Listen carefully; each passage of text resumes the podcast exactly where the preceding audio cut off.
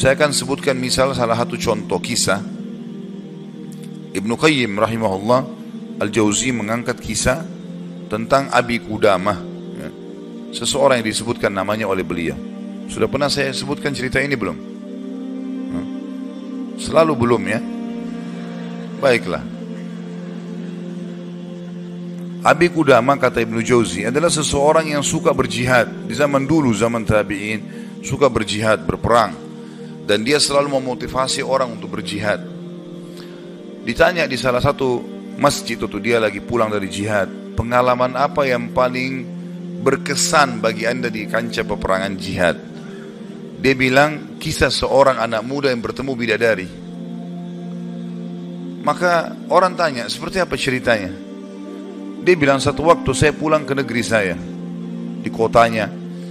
Kemudian saya motivasi orang untuk berperang, berjihad sampaikanlah motivasi ayat-ayat hadis kisah-kisah nyata.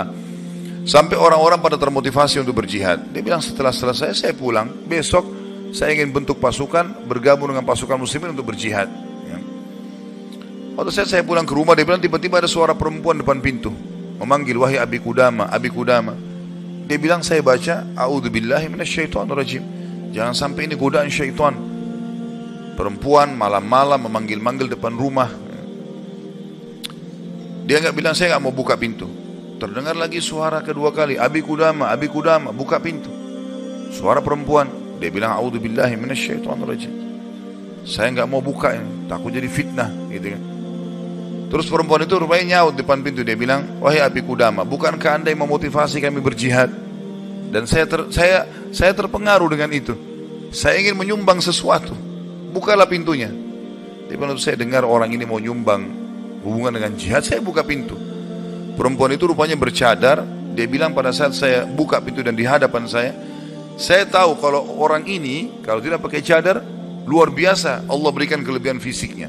Terlihat wanita ini punya kecantikan tapi dia tutup auratnya. Lalu saya alihkan pandangan saya dan saya katakan apa yang akan engkau sumbang ibu? Dia bilang sesuatu yang paling indah dari tubuh saya hai Abu Kedama adalah rambut saya. Saya memiliki rambut yang sangat bagus dan panjang. Maka saya sudah memotongnya dan saya sudah membentuknya supaya menjadi tali kekangan kuda. Maka saya minta agar rambut saya ini engkau jadikan tali kekangan kudamu. Agar minimal rambutku ikut berperang. Tapi Kudama bilang, saya heran dengan imannya ibu ini. Luar biasa ini. Gak pernah ada orang terfikir seperti itu. Rambutnya panjang, lebat, tebal, dipotong, lalu dibuat sedemikian rupa sehingga bisa menjadi tali kekangan kuda. Gitu. Pakailah ini Abi Kudama. Abi Kudama bilang baiklah, diambil. Pada saat sudah diambil, Abi Kudama mau tutup itu dia bilang sebentar, masih ada satu lagi Abi Kudama. Dia bilang apa? Suami saya mati syahid. Dan semoga Allah terima. Semoga juga kami disatukan di surga. Dan dia mewariskan seorang anak laki-laki yang mirip seperti dia. Maksudnya keimanannya, ke fisiknya segala macam. Saya harap anda tidak menolak anak saya besok ikut berjihad. Kata Habib Kudama baiklah. Tutup pintu, besok pagi habis sholat subuh, habis syuruk, menjelang duha, berkumpullah orang-orang yang mau ikut jihad untuk bergabung dengan pasukan muslimin. Setelah Abi Kudama bilang saya motivasi mereka, datanglah seseorang dari belakang saya berteriak, Abi Kudama, Abi Kudama, suara seorang laki-laki. Dia bilang saya balik ke belakang, Waktu saya balik saya seperti melihat matahari. Artinya ada seorang laki-laki putih, tinggi, gagah, rambutnya indah, fisiknya kekar di atas kuda. Dia bilang saya sendiri kagum melihat orang ini. Luar biasa secara fisik membuat orang sudah kagum. Dia bilang, terus saya, terus dia bilang, Ayah Abi Kudama, saya anaknya ibu semalam yang memberikan rambut kepada anda. Dan saya siap untuk ikut berperang dan wasiat ibu saya agar saya jangan pulang. Suruh mati syahid. Tapi Kudama saya kagum melihat lagi anak ini. Sudah kagum melihat ibunya, kagum melihat anaknya. Bagaimana bagaimana keyakinan mereka berdua tentang janji Allah dan hidupnya di situ sudah. Lingkup hidupnya itu adalah yang dijanjikan oleh Allah dan Rasulnya. Udah, Allah bilang dapat ini, ya sudah, dia yakinkan iya. Sholat dapat ini, puasa dapat ini, jihad dapat ini. Yakin, tidak ada keraguan. Hidupnya terbentuk di situ, itu yang dijalani sama dia. Dia yakin meninggalkan juga dosa, ini adalah pintu yang baik. Kalau dia buat, dia akan jauh dari Allah. Maka dia berada di lingkup itu, kendaraan itulah. Kata Abi Kudama, baiklah anak muda, kau masih muda, gitu kan. Saya akan letakkan kamu di bagian belakang pasukan. Anak muda itu diam. Dia bilang, Abi Kudama bilang, ini saya tentu simpulkan ceritanya ya, karena saya tidak hafal secara lafad letter-let tentang kisah, tapi saya datangkan poinnya gitu. Kata Abi Kudama waktu perang lagi berkecamuk, tiba-tiba anak muda ini sudah ada di depan. Lalu saya lihat dia, dan memang di pikiran saya dia bilang cuma anak muda itu saja. Saya datangin dia, hai anak muda mundurlah. Kau masih muda, belum berpengalaman, gitu kan. Saya khawatir atas dirimu.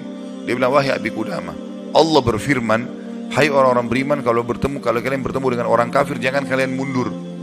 Allah bilang, jangan mundur, anda suruh saya mundur. Gitu. gitu. Kata Abi Kudama, saya nggak bisa bantai ini karena dia pakai ayat. Gitu. Maka saya pun berada di sebelahnya sampai akhirnya karena perang lagi berkecamuk terpisahkan. Otomatis terpisahkan.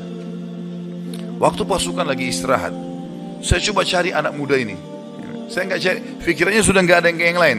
Targetnya anak muda ini gitu. Itu betul-betul menarik perhatian dia. Dia bilang begitu saya lihat orang lagi istirahat semuanya kena capek berperang. Maka saya lihat anak muda ini sibuk menyiapkan makanan para mujahidin, mengikatkan tali kudanya, menyiapkan rumput kudanya. Pokoknya dia sibuk dengan itu. Jadi dia betul-betul menikmati apa yang sudah Allah dan Rasulnya perintahkan. Ini targetnya dan ini benar bagi saya. Selesai. Ini adalah konsep hidup saya. Gitu. Maka Habib bilang, saya kagum melihat anak muda ini. Kemudian perang berkecamuk lagi. Berkecamuk lagi, yang kedua kali, kemudian pada saat lagi maju, saya anak muda itu di depan. Saya datangin lagi, hai anak muda, ke belakang lah. Dia bacain lagi ayat. Wahai Abi Kudama, Allah berfirman. Hai orang beriman kalau bertemu dengan orang kafir, jangan kalian mundur. Bagaimana Allah bilang jangan mundur, anda suruh saya mundur. Abi Kudama diam. Tidak bisa bantah karena dikatakan ayat. Berkecamuk peperangan dipisahkan oleh pas prajurit yang saling serah satu sama yang lain. Sampai ini tiba malam hari waktu istirahat. Kata Abi Kudama, dua pasukan istirahat. Lalu saya cari, di mana anak muda ini? Di kemah mana dia? Cari-cari sampai dapat kemahnya. Kata Abi Qudamah, waktu saya masuk dalam kemahnya, saya temukan anak muda itu sedang tertidur dan senyum. Senyum lebar gitu. Saya penasaran anak muda ini lagi mimpi apa gitu. Dia bilang saya tunggu sampai senyumnya sudah redah. Kemudian saya tepuk, bangunkan. Hai anak muda bangunlah. Apa yang kau lihat dalam mimpimu? Kata anak muda ini, demi Allah wahai Abi Kudama, saya melihat saya masuk ke surga. Saya masuk surga, saya lihat taman-taman, saya lihat pelayan-pelayan, lihat luar biasa surga yang luas. Dan saya lihat seorang wanita yang sangat cantik, saking cantiknya sampai saya tidak sabar untuk menjamahnya. Gitu kan. Lalu dia mengatakan, belum waktunya hai suamiku. Padahal sebenarnya anak muda ini belum menikah. Ya. Lalu dia bilang, engkau, perempuan itu bilang, engkau akan bertemu dengan aku besok siang. Kata anak muda itu, setelah itu anda bangunkan saya. Dan saya berharap Allah membuat saya mati syahid besok untuk mendapatkan apa yang Allah janjikan. Yang jelas, kata Abi Kudama, saya kagum. Artinya Abi Kudama pun sekian tahun berjihad belum pernah mimpi seperti ini, gitu kan? Besok pagi dia bilang berkecamuk lagi peperangan. Saya temukan anak muda itu di depan, terus dia menyerang musuh, gitu kan? Sampai akhirnya peperangan selesai dan sudah menang muslimin, korban banyak di musuh dan di orang muslim. Anak Abi Kudama bilang target saya mengejar mana? Cari anak muda ini. Terbunuhkah atau belum terbunuhkah? Dicari. Dia bilang saya cari di, di jenazah prajurit muslim yang disusun ternyata ada bergeletakan saya temukan ada muda, anak muda itu penuh dengan darah ya. tapi masih hidup dan dia lihat waktu saya datang dia, dia dengan senyum mengatakan Abi Kudama ke sinilah ke sinilah dalam kondisi lagi luka-luka ini berdarah-darah gitu ya kata Abi Kudama saya pun datang apa beritamu hai anak muda dia bilang hai Abi Kudama kalau kau pulang nanti ke kampung kita ke negeri kita sampaikan ke ibu saya salam dan bilang impian beliau sudah terkabulkan. Artinya saya akan menyusul ayah saya mati syahid. Lalu pesannya ini luar biasa. Dia bilang apa? Wahai Abi Kudama. Apa kau dengar ingat kisah tadi malam bidadari dalam mimpi saya? Kata Abi Kudama iya. Sekarang ada di sebelah saya. Sedang senyum, sedang senyum dan menunggu ruh saya keluar. Lalu dia akan membawa saya ke surga. Lalu kata Abi Kudama, orang itu pun meninggal dunia dalam kondisi dia tersenyum gitu kan maka Abi Qudam bilang saya menangis gak bisa menahan melihat luar biasanya ibunya luar biasa anak muda ini luar biasa 17 tahun punya kelebihan fisik yang mungkin tadi saya bilang kebanyakan kita di Indonesia dihabiskan pada hal yang foya-foya, coba-coba kemaksiatan ini semua omong kosong nih dari syaitan, bukan begitu. Anak muda ini dididik oleh ibunya untuk targetnya surga. Bagaimana berperang mati syahid, seperti itulah. Kata Abi Kudama, saya pun menguburnya. Waktu kami pulang ke negeri kami, target saya ke rumah ibunya. Bukan ke rumah saya lagi. Orang semua pada pulang ke rumahnya, ketemu keluarganya. Dia bilang, saya cari ibunya anak muda itu. Begitu dapat rumahnya, saya ketuk pintu dibuka. Ibu itu buka. Ibu itu begitu lihat saya tahu Abi Kudama. Dia bilang, wahai Abi Kudama, apa kau datang berbelas sungkawa atau kau datang untuk membawa berita gembira? Kata ya Abi Kudama, apa maksud anda ibu? Dia bilang, kalau anda pulang mengatakan anak saya ikut pulang bersama anda, berarti itu belas sungkawa. Saya nggak mau anak saya pulang. Mau mati syahid. Tapi kalau anda bilang anak saya mati syahid, berarti itu berita gembira. Abi Qudama bilang saya nggak tahan menangis lalu saya mengatakan, ibu berita gembira Allah sudah kabulkan impianmu. Anakmu telah menyusul suamimu dan semoga Allah kabulkan. Ibu itu menangis sujud syukur kepada Allah gara-gara berhasil anaknya menjalankan perintah Allah. Ini yang banyak luput dari kita nih.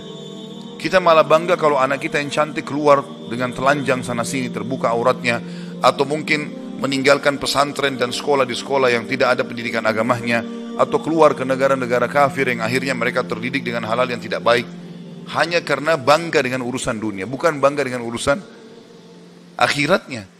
Padahal itu tanggung jawab kita gitu kan? Jadi teman-teman sekalian menanamkan muraqabah yakin kalau Allah mengawasinya yakin akan janji Allah terhadap ibadah yang dia kerjakan yakin ancaman Allah kalau dia melanggar maka ini poin yang sangat penting, ini yang sedang kita bahas. Masalah bagaimana dia mendidik jiwanya dalam masalah muraqabah.